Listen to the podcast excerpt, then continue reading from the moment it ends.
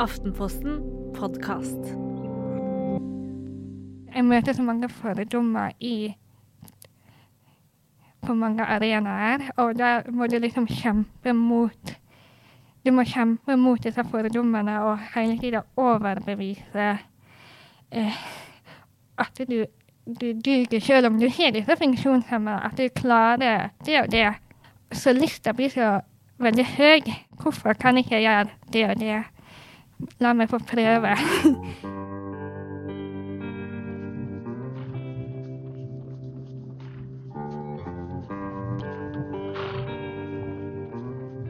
Innen hest så har jeg på en måte fått litt i fred. Der har jeg fått lov til å være meg sjøl og utvikle meg. At det er ikke noen som har kommet og sagt nei, du kan ikke ri fordi du ser ikke og hører, hører ikke. Så det har på en måte vært så godt å ha en arena man kan få lov til å ja, være seg sjøl og med, liksom møte andre på litt mer lik linje.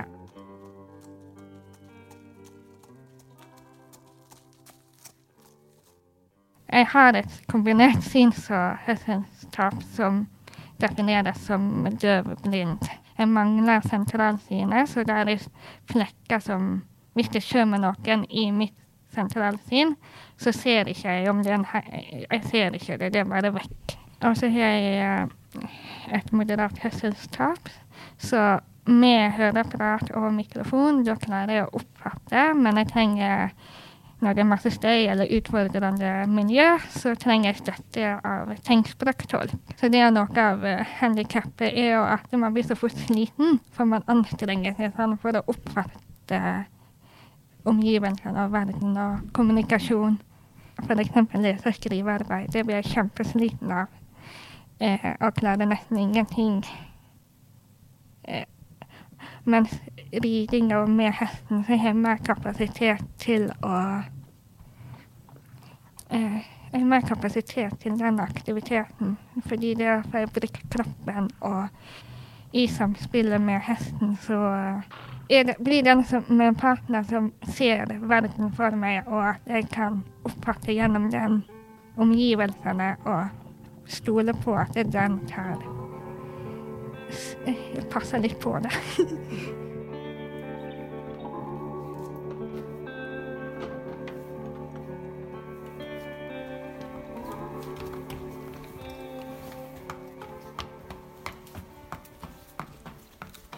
Jeg hadde en hest i 13 år, jeg til Jesper. Og vi hadde et veldig godt samspill. Det var akkurat som Jesper bare visste at han måtte ta ansvar. Han måtte Hvis det kom noen mot oss, så gikk han til side og passte på at ikke vi krasja i veggen.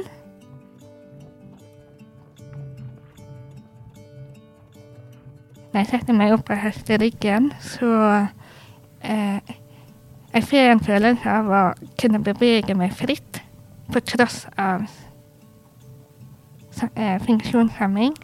Og det gir en sånn ja, frihetsfølelse og eh, mestringsfølelse. Eh, og så er det så deilig å Litt den følelsen av å kunne bevege seg uten å være avhengig av noen andre mennesker. Eh, og kunne på en måte bestemme litt sjøl. Eh, positiv energi. Eh, ja.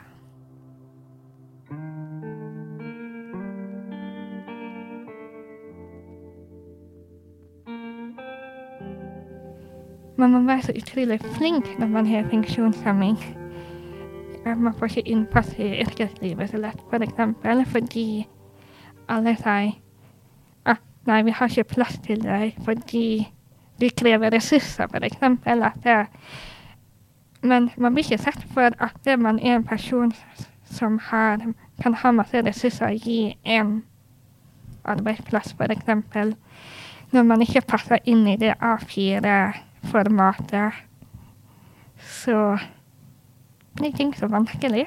Man blir litt sånn der, får litt sånn den følelsen av å ikke være verdt noe, på en måte. Være så lite verdt.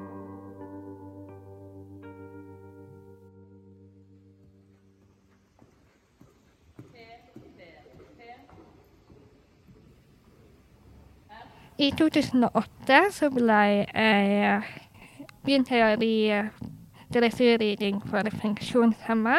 Og det starta med NM i 2008 og rett videre på nordisk mesterskap, der vi fikk sølvmedalje. og da var vi ganske ferske. og i 2009 så deltok vi på europamesterskap i Kristiansand. Og etter det har det blitt mange internasjonale konkurranse da, med Jesper. Mm. Og vi har fått flere Vi har flere nordiske medaljer, og vi har flere NM-medaljer. Mm.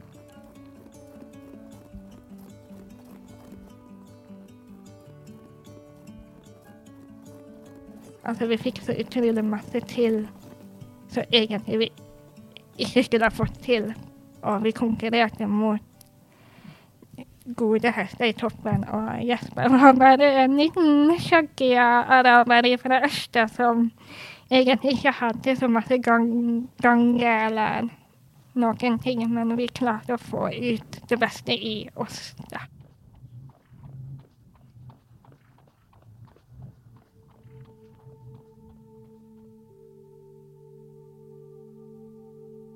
I 2016 så um, Ja.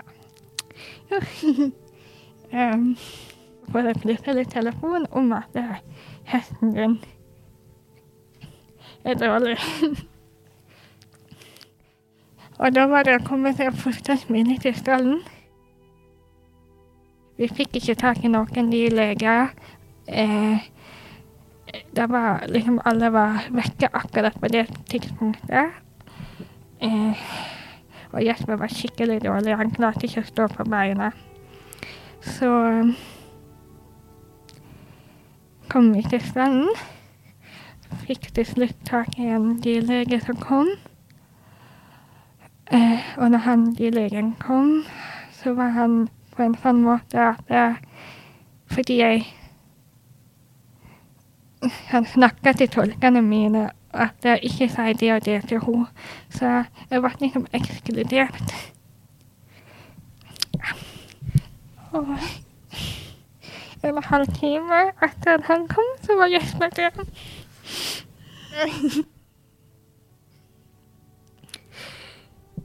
Ja. Nei, så det var Det var en dramatisk opplevelse der ting skjedde veldig fort. Men det er så så den bare.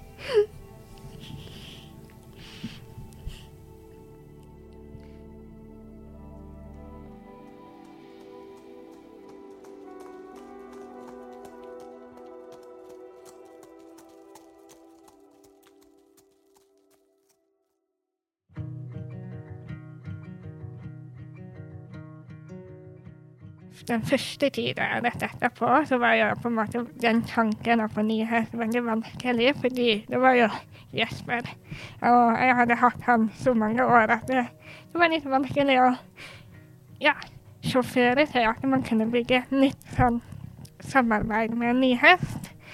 Eh, men eh, det var egentlig ei venninne hjemme som tipsa meg om at noen trengte hjelp med en ponni.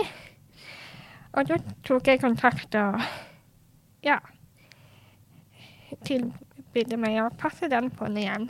Og slik ble det. Og så jeg skulle egentlig bare passe den noen måneder. Men så plutselig enda vi på NM i år. Der vi vant bronsemedalje. ja. Og da har jeg bare hatt den i noen måneder, og korona kom, og da fikk ikke vi trene heller. Så det var veldig spesielle forhold. Atle, som ponnien heter, han skulle selges, og det var noen som skulle ta han med ifra NM. Så, eh, men siste dagen, så Da var det gikk ikke, det gikk ikke å skilles fra Atlas, så da fikk vi mulighet til, til å kjøpe ham. Så da ble han med hjem. Så nå har jeg en ponni.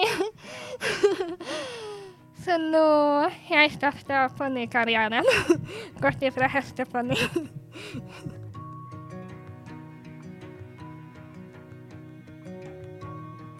Skal du komme hit, Atlas?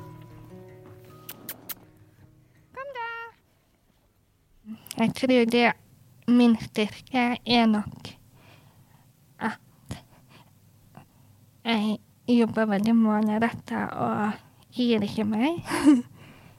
Eh, jeg er vant til å ta i tak og ja, Tålmodighet, tror jeg. Kanskje tålmodighet. Og jeg tror i alle de kampene og alt sånn ellers i livet også, så jeg lært meg at det Ja. Jeg blir liksom litt tvunget til å måtte være tålmodig, fordi jeg vet jeg får ikke endre ting på flekken. Eh, men ja.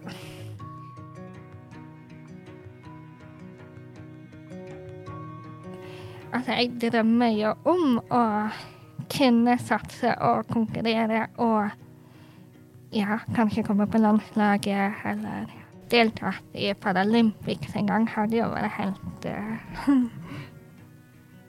Ja, enormt.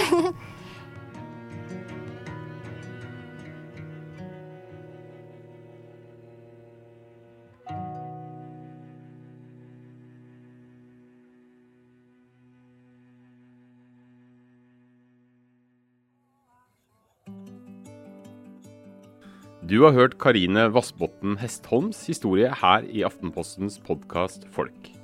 Episoden er produsert av meg, Bjørn Egil Halvorsen, og resten av redaksjonen er Fride Næss Nonstad og Karoline Fossland.